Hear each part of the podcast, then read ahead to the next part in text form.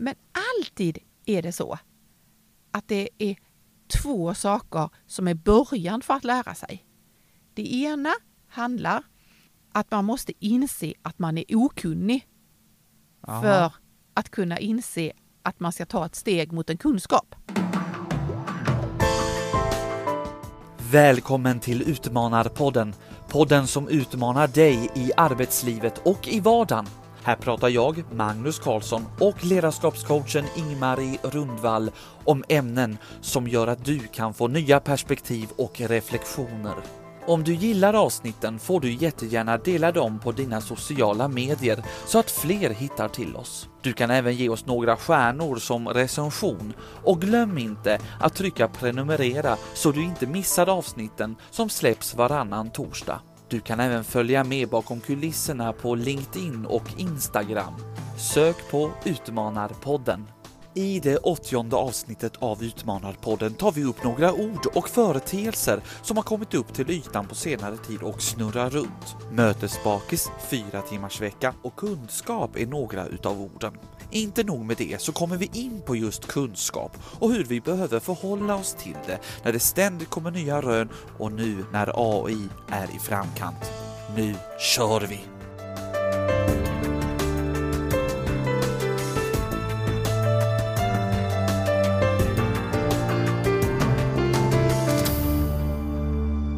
Dags igen för nya insikter, nya reflektioner, nya tankar. Det pågår hela tiden och även här i vår podd, Ingmarie, Utmanarpodden. Och det gör det ju på grund av att vi får så mycket input ifrån lyssnare, ifrån det vi läser, i det från vi hör. Eh, och jag måste ju börja dagens eh, avsnitt med att berätta att jag har lärt mig tre nya ord. Oj. Eh, nu börjar jag. Ja. Eller nya. Jo men ett är nytt och en annan är en Är det, reflektion. är, det, är det så att det ligger liksom i tiden? Ja, alltså att det ja. florerar liksom? Ja, ett är ju sådär varmt om mitt eget hjärta, nämligen mötesbakis.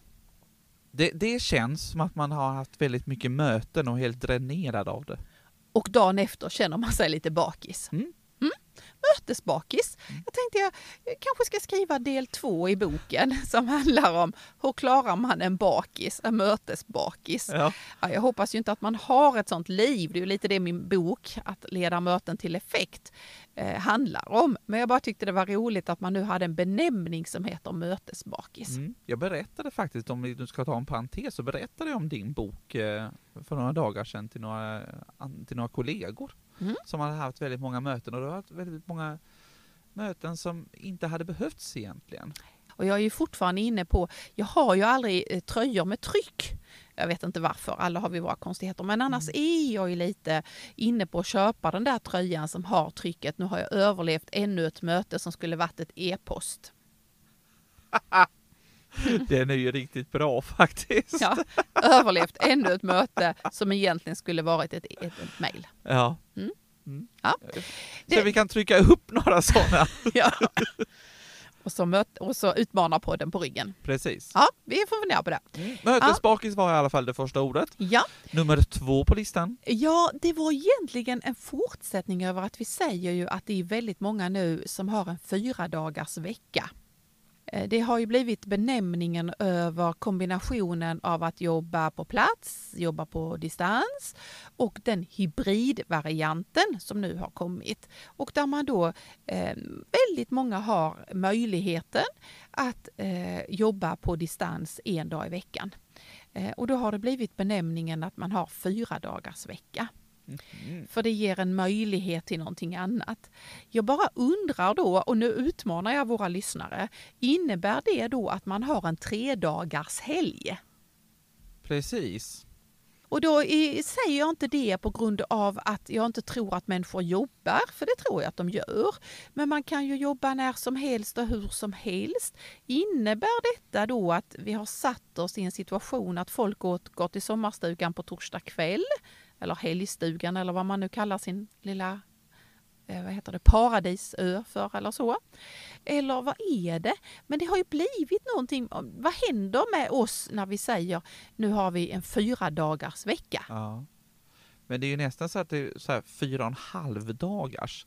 Alltså för det, om vi säger nu att så här, fyra dagar är du på till exempel på kontor Mhm. och sen så åker du till stugan Mm. på eh, torsdag kväll. Mhm. Men så jobbar du ändå. Du börjar ändå gå in ditt ledighetsmode för att du har kommit till Ja. eh, stugan liksom. Ja. Så att det, det blir ju fyra och lite till. Ja, jag vet och egentligen så ska det ju bli fem. Ja, precis. Men det handlar väl också om var du jobbar någonstans. Ja. För du kan ju jobba i, i mysbyxor eller pyjamasbyxor eller något sånt där. Det pågår jättemycket forskning om detta. Vad är det som har hänt på arbetsmarknaden? Eh, för vi har pratat om det jättemånga gånger i Utmanarpodden. Någonting hände i covid och anpassningarna till det. Nu håller vi fortfarande på att anpassa oss tillbaka till någonting. Eh, och vi vet inte riktigt hur vi ska förhålla oss. Men framförallt vet vi inte hur detta påverkar oss. Innebär det att stressnivån som vi har ett problem med eftersom vi har för lite återhämtning, blir den sämre, blir det värre när jag ska ha jobbet samtidigt som jag har mitt hem? Eller blir det bättre? Eller ger det en möjlighet till någonting annat? Eller stressar vi då upp oss för någonting? Eh, jag läser jättemycket om detta och eh, ser ibland att chefer säger att det här har gjort en möjlighet för dem att få ihop ett eh, livspussel. Och varför jag säger chefer är därför att det ofta har varit chefer som först har getts den här möjligheten att, att kunna hitta sin arbetsplats var den bäst befinner sig. Mm. Och, och det är inte alla som har den möjligheten. Jobbar du i vården eller på, på ett löpande band eller vad det än är eller i en affär så är du på plats. Så därför gjorde man en liten forskning just på chefer. Och det, ja, men då verkar det sig så här. Så att, ja, jag tror vi får återkomma till den här konsekvensen. Jag bara blev så sugen på att säga till människor, jag tycker om att utmana människor när de säger nej men vi kör fyra dagars vecka. Och då har jag lite sugen på att säga, innebär det att du har tre dagars helg då? Men vi lär återkomma till den. Ska vi ta ord nummer tre? Ja, det ska vi absolut göra. Och ord nummer tre tänkte jag att vi lite skulle stanna kvar vid i det här avsnittet. Mm. Därför att jag pratar eh, och har pratat väldigt mycket om eh, jag ska bara förklara för dig vad jag gör nu Magnus. Jag gör nu en inledning och snart kommer vi till ordet. Så ordet har alltså inte kommit än? Nej, just det. Nej. Nej, jag tar den långa versionen och börjar med en Ja, ja, ja. inledning. Mm. Eh, jag tänker så här. Eh, vi har eh, vant oss vid att vi måste lära oss nya saker, för det kommer nya saker hela tiden. Eh, Man måste lära sig digitala system för att få ut sin lön. Man måste lära sig hur man skri- bokar en bilprovning. Man måste lära sig hur man och så vidare. Vi har lärt oss jättemycket. Eh, Det gör vi ibland väldigt frivilligt därför att det är spännande och det här var ju roligt. Och ibland lite mer ofrivilligt och ibland gör vi det utan att vi ens tänker på det. Mycket av det handlar ju om digitalt men oavsett så hela tiden lär vi oss saker. Och då har vi ju innan pratat om hur, hur gör man då för att hela tiden hålla igång ett sånt lärande? För man skulle ju kunna tänka sig att ja, men jag har ju min akademiska utbildning från 88, måste jag lära mig något mer? Ja, säger vi då. Man måste lära sig hela tiden. Uh, lyssnar man på något sånt här julprogram som vi hade så har jag ju önskat mig lärandetimme på önskelistan. Istället bara för friskvårdstimme så tror jag att man måste behöva avsätta tid. Och ibland när jag säger det då så är det lite som att, ja men varför det då? Varför, vad, vad, är det vi, vad är det för kunskap vi ska få då? Eh, Jag tycker att jag har kunskap. Finns det någonting mer jag behöver lära mig? Frågetecken, frågetecken. Mm. Och nu hittar jag ett nytt ord, nämligen kundskap. Okej. Jag lägger till ett D. Ja. Det vill säga, vi måste ha en kunskap om våra kunder och då blir det kundskap. Eh, Och verkligen förstå den där andra. Nu vet jag att det är jättemånga som inte kallar den där på andra sidan för en kund. Man kan kalla dem till exempel vårdtagare, man kan kalla dem medlemmar, man kan kalla dem elever, man kan kalla dem Deltagare. gäster, Mm. klienter, eh, patienter Mm. Ehm, och kunder. Ja. En kunskap om den andra. Precis. Ja. Det vill säga att man måste förstå eh, hur, för att kunna eh, både förstå dem och möta dem utifrån deras beteenden. Och inte bara förmoda och anta hur de tänker. utan utgå ifrån, eller, eller att utgå från gammal kunskap. Så här gör kunder. Ja. Så här gjorde kunder förr. Ja. Men då är det ju så här, i och med att vi lever i ett samhälle som hela tiden förändras, så förändras ju vi också. Alltså, och- eller kunderna, om vi nu... Ja. Så det är ju det som hela tiden man måste vara update Ja. to. Och då, update to.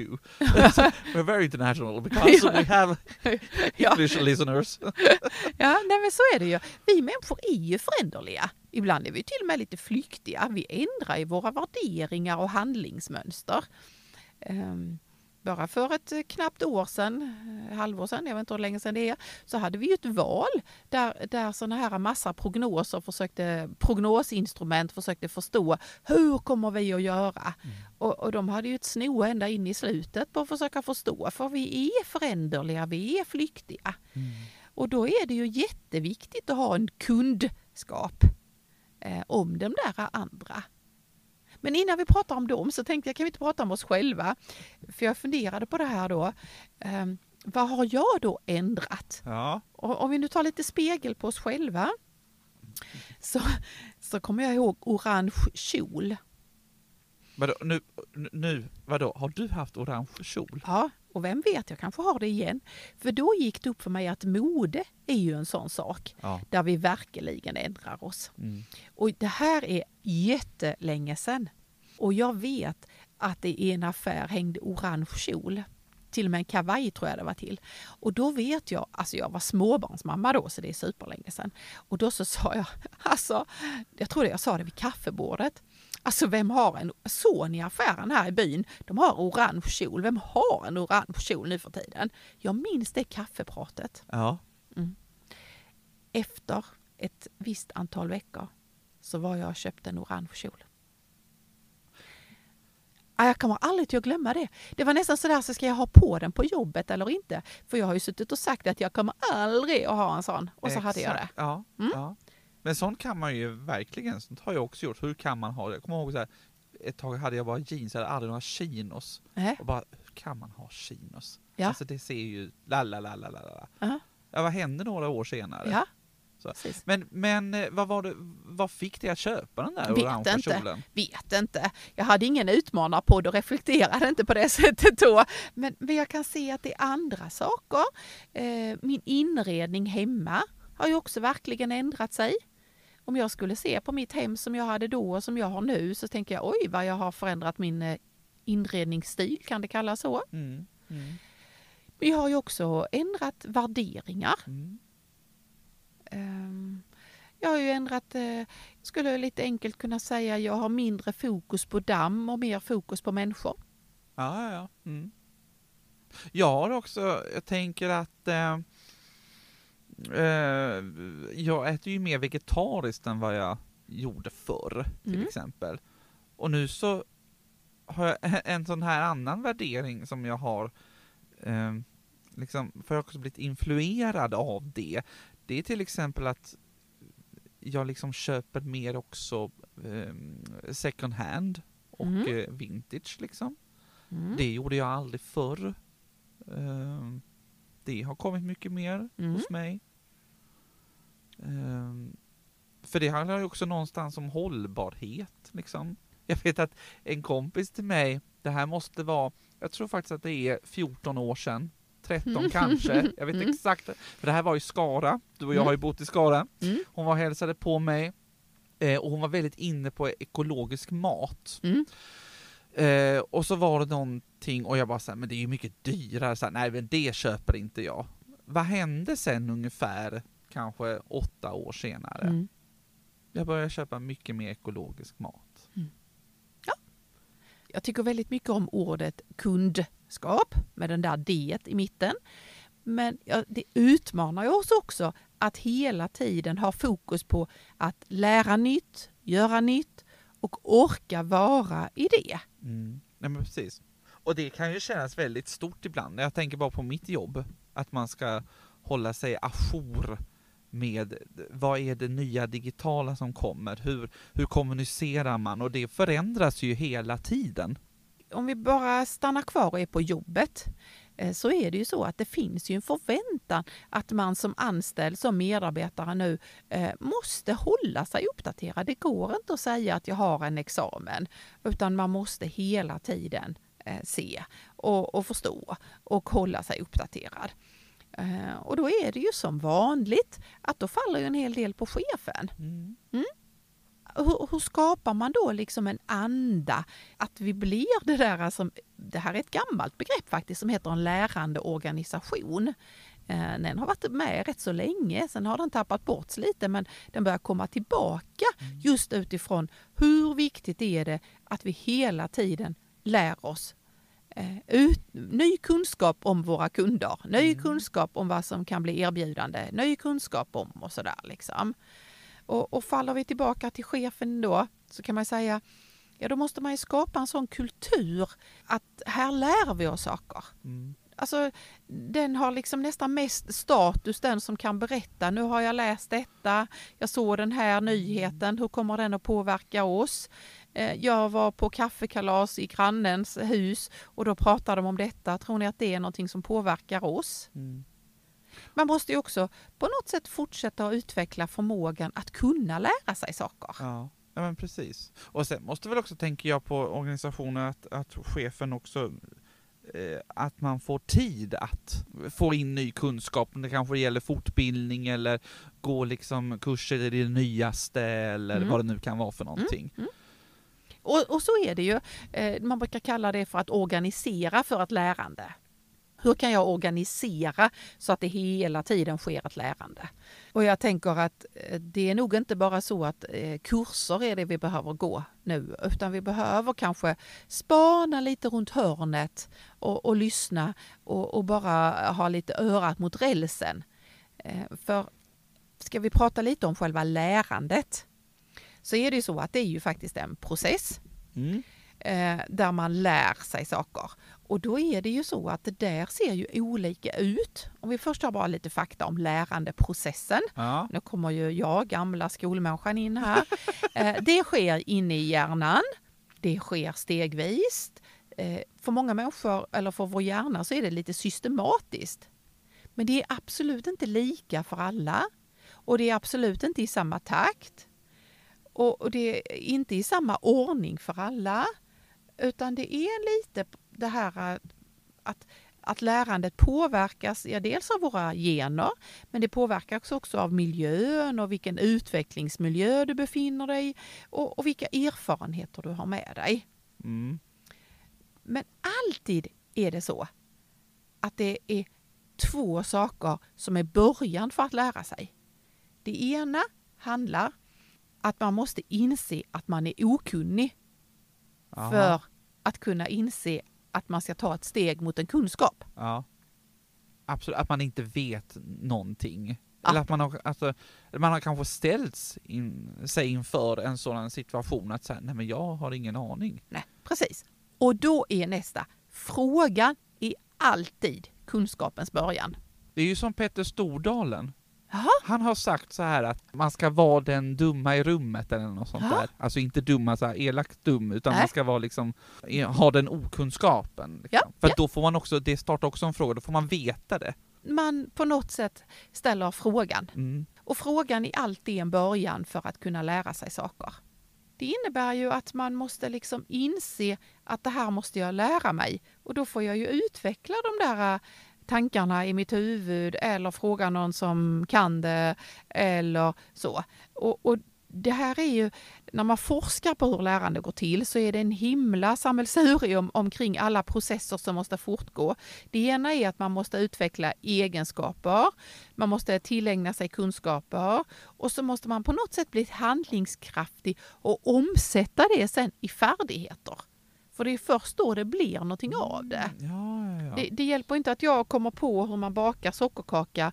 Jag måste ju liksom omsätta det också i, i färdigheten att jag kan ja, precis. baka. Ja, exakt. Och, och där det har varit innan väldigt mycket ju att man har tänkt studier, alltså man studerar. Eller att man blir undervisad. Ja. Men det är inte alls säkert att det är så det går till nu för tiden. Men det är alltid du måste ju göra Du måste ha hört eller ställts inför någonting som är nytt så att du kan börja inse att du måste göra något nytt. Jag fattar. Det här tänker jag också är någon form av, för om man ställs inför ett, ett um vad ska man säga, ett problem och så vet man inte hur man ska gå tillväga, eh, så, eller har inte svaret på det, eh, då är det ju lätt att, då finns det ju två vägar egentligen här att gå. Den ena är så här, slå bort det, nej men det här behöver jag inte bry mig om.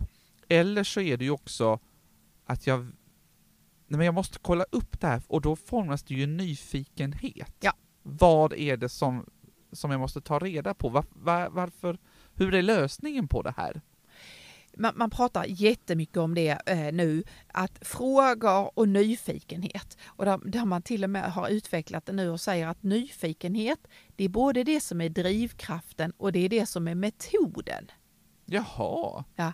Drivkraften förstår jag. Ja. Den, så, men metoden? Alltså metoden är att, att för att kunna komma någonstans så är metoden visa och vara nyfiken. Man säger det till exempel om chefer som lyckas väl nu. Eh, Där man innan kanske sa att de visade uppskattning så säger man det bästa du gör som chef det är att visa nyfikenhet.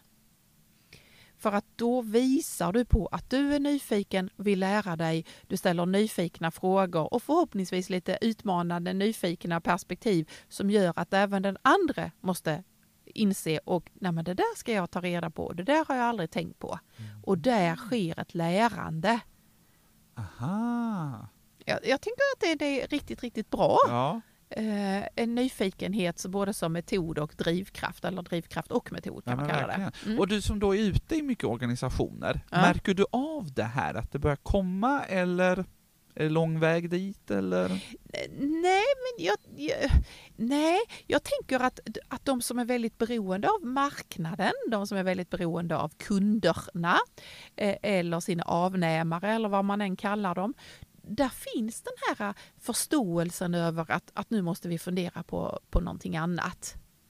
Eh, Vi, vi hade ju, eh, har du hört, eh, nu ska vi ställa en sån här fråga, har du hört? Har du bara för eh, några månader sedan så kom ju det med den här som heter ChatGPT tror jag den heter. Jag ska se här, jag måste fundera på. Nej, är... ChatGPT, jag hade rätt. Ja, grattis! Ja. Men jag har ingen aning om vad det är. Och, och Men jag, kan- tänker att du får gärna lära mig. Ja, och vet du vad? Jag kan tänka mig att om ett litet, litet tag så vet du det. Alltså inte just nu, utan det kan också vara så här att detta kan bara blomstra om några veckor eller några månader. Eh, Det har redan blommat upp. Det är alltså en artificiell intelligens. Ni vet det här när maskinerna, datorn, gör det som vi människor. Den blir intelligent. Eh, Det är alltså en möjlighet. Du skriver någonting och datorn svarar dig direkt. Och då kan man ju säga att det är ju samma sak som eh, Wikipedia. Det är samma sak som en Google, men mycket, mycket mer eh, avancerad och mycket mer som en kanske en robotversion av de här sökmotorerna.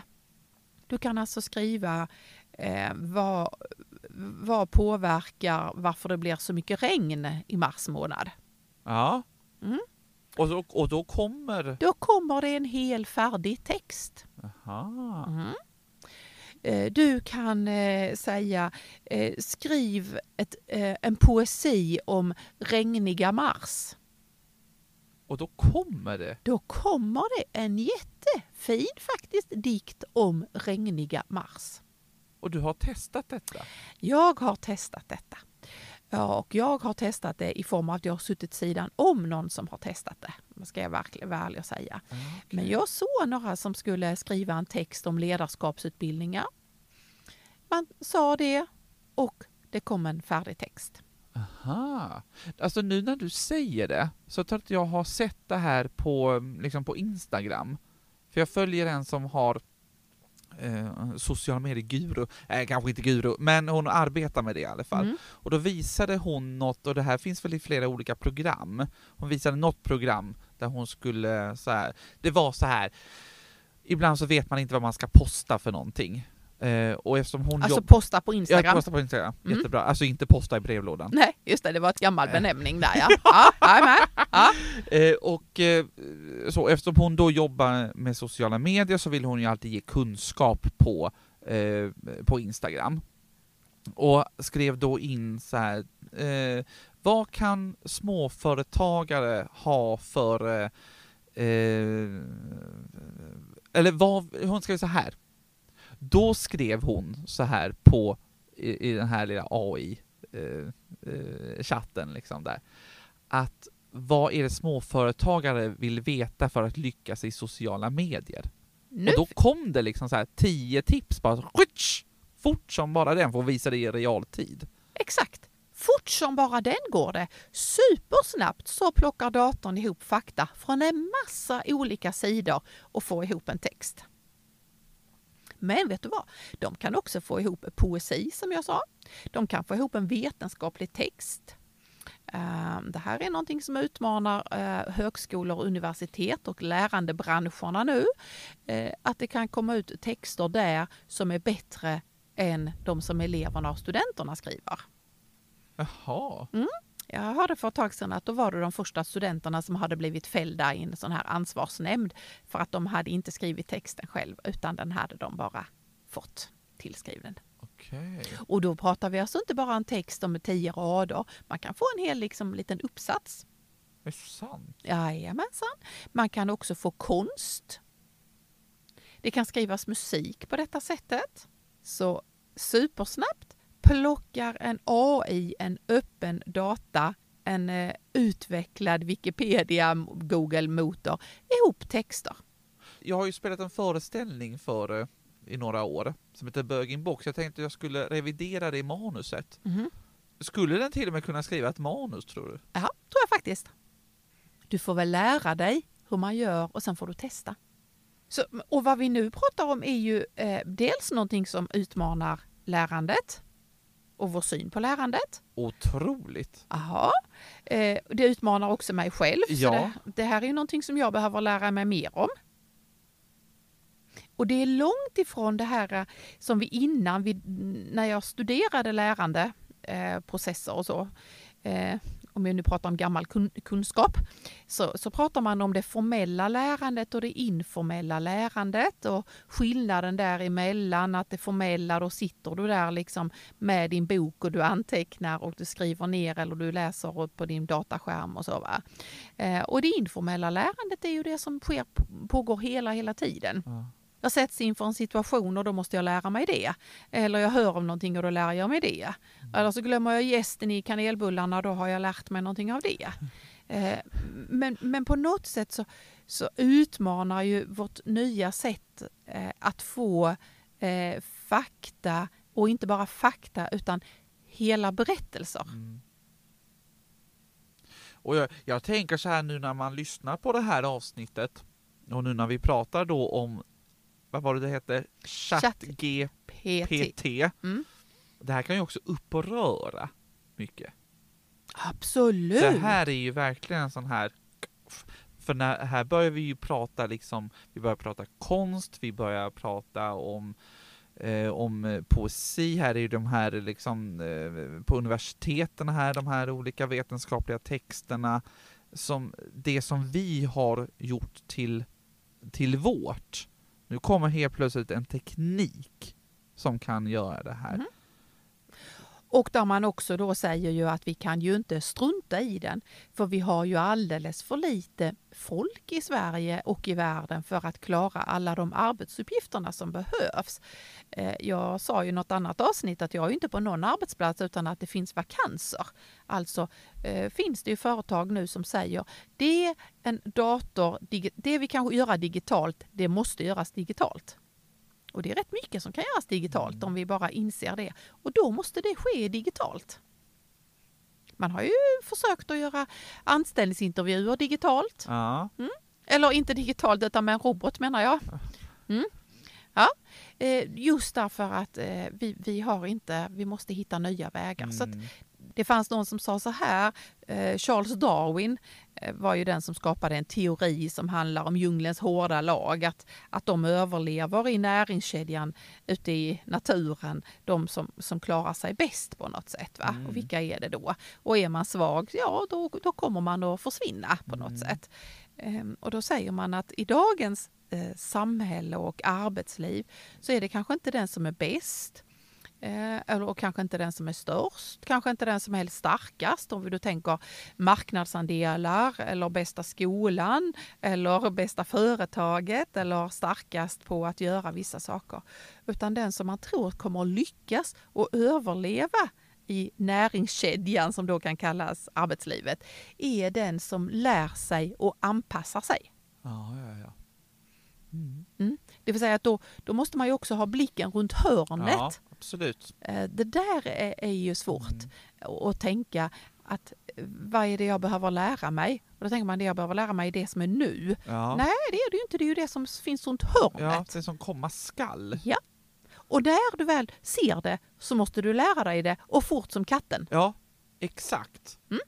Så där måste man träna upp. Vad har jag för förmåga att ta till mig och lära mig nya saker? Ja. Du, jag är mållös. Ja, du, du är mitt inne i, en, i ett lärande just nu du, och då Ja. kan man bli det. Jag håller med. Men, men någonstans är det ju viktigt i alla fall att, att man liksom har den här nyfikenheten Mm. och att man vill lära sig. Även om du, alltså ju äldre du blir eller något liknande, för att du kommer ju ha nytta utav det också i ditt liv, i din vardag.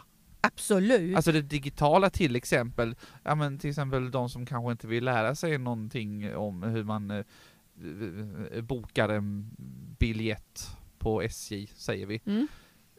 Nej men du kommer ha jättesvårt Mm. då. För att det kommer bara liksom komma mer och mer liksom. Ja. Och det handlar ju någonstans om att faktiskt lära sig hur man gör det. Och jag, nu gjorde du med händerna som att man skulle digitalt trycka på tangenter. Jag tror att den tiden är snart slut. Vi bara säger fixa biljett till Laholm. Och så får vi en biljett till Laholm. Ja, så kan det ju vara. Ja. Men, men, men, vi är nu ute och filosoferar. Men jag tycker att du sa något väldigt klokt där och det har jag tagit till mig. Och ni som följer mig på mina sociala medier har ju sett att jag har ju gjort så nu med mitt företag. För jag insåg ju att jag behöver eh, steppa upp angående min digitala kompetens. Eh, Jag måste på något sätt inse att jag måste lära mig väldigt mycket.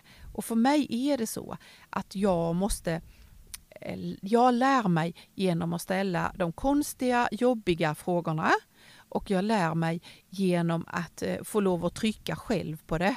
Liksom. Mm. Ja, Mm. hands-on. Ja, Liksom. ja, ja, ja, Mm. det är verkligen så. ja, jag är likadan. Jag måste bara få trycka Mm. på det. Ta bort det så måste jag trycka och så måste jag bara veta, kan något hända? Nej, nej då fortsätter jag trycka så jag fattar. Mm. Mm. Så att eh, jag sa lite skämtsamt nu att eh, den som nu är IT-ansvarig i mitt företag och som fixar eh, datorerna och eh, iPaden och eh, telefoner och sammankopplingar och hur vi gör och hur man lägger upp det och så. Det är eh, ett barn på 11 år. Han har samma efternamn som mig. Ja. Och han säger att ja, men du kan ju inte detta farmor. Nej, kan du lära mig? Ja. ja, för du vill fortfarande liksom lära dig eh, sakerna, du vill inte bara skjuta över det på... Nej. Nej. Så nu har jag spelat in min första TikTok-film. Oj! Ja, ja, ja. Ställ dig där och gör så här. Jajamensan. Men då undrar jag, har du TikTok? Ja, det är klart att jag har TikTok nu alltså. Där ser man. Jajamensan. Eh, fick jag ju lära mig det. Så att på något sätt är ju det en uppmuntran utifrån dagens avsnitt som handlar om kundskap, kunskap och total nyfikenhet på allt som finns runt hörnet. Mm. Väldigt bra sammanfattning av detta. För er, för vi, det är ju precis som vi brukar ha i våra poddavsnitt. Ibland så är vi ute och liksom filosoferar och tar omvägar för att komma till målet och nu tyckte jag att det var bra att du gjorde en sammanfattning där. Varsågod. Ja, och då tänkte jag faktiskt att vi ska avsluta som vi brukar göra oftast med ett citat. Och den här gången är det från den person som vi alla har nog hört namnet på någon gång, Albert Einstein. Gällande kunskap faktiskt. Learn from yesterday. Live for today. Hope for tomorrow. The important thing is not to stop the questioning.